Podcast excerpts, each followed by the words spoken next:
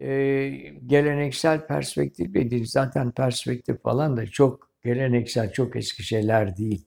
Yani sanat insanlık kadar eskidir. E, insanlık tarihi kadar eskidir. Bundan örnekler açısından.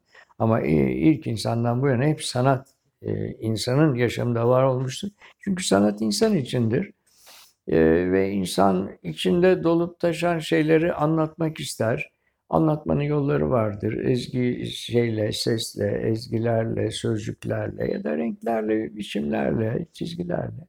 Ha yani bak, bak insanlık tarihi kadar o şeyde insan mütemadiyen bunları an, anlatmış. Ee, bir yerde bir açıda durmuş değil. Bir takım e, kültürler, bir takım e, insanın bakışları her zaman farklı olmuş. E, benim bakışım da belli kültürlerin etkisinde kalarak işte bilmem yukarıdan bakmak, e, bir Rönesans perspektifi 16. yüzyıldan bu yana gelen bir şey ya da 12. 13. yüzyılda Proto Rönesans'la başlarsak işte 15-16'da Rönesans, Manierist devam ediyor. Orada perspektif girmiştir. Ondan önce insanlar bakmıyor. Her zaman bakıyorlar ama bunu bir sistem haline getirmek perspektif o zamandır. Bir bakıyoruz aynı dönemde de minyatür başka bir perspektifi şey yapıyor.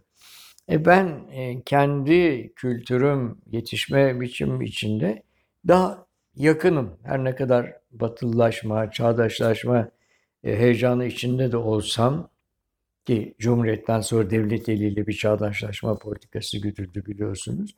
Her ne kadar yani birçok değerin şu anda batıda olduğunu e, görsem bile biliyorum ki bir orta çağ yaşadı Batı bir orta çağda taş üzerine taş konmadı, hiçbir eser verilmedi.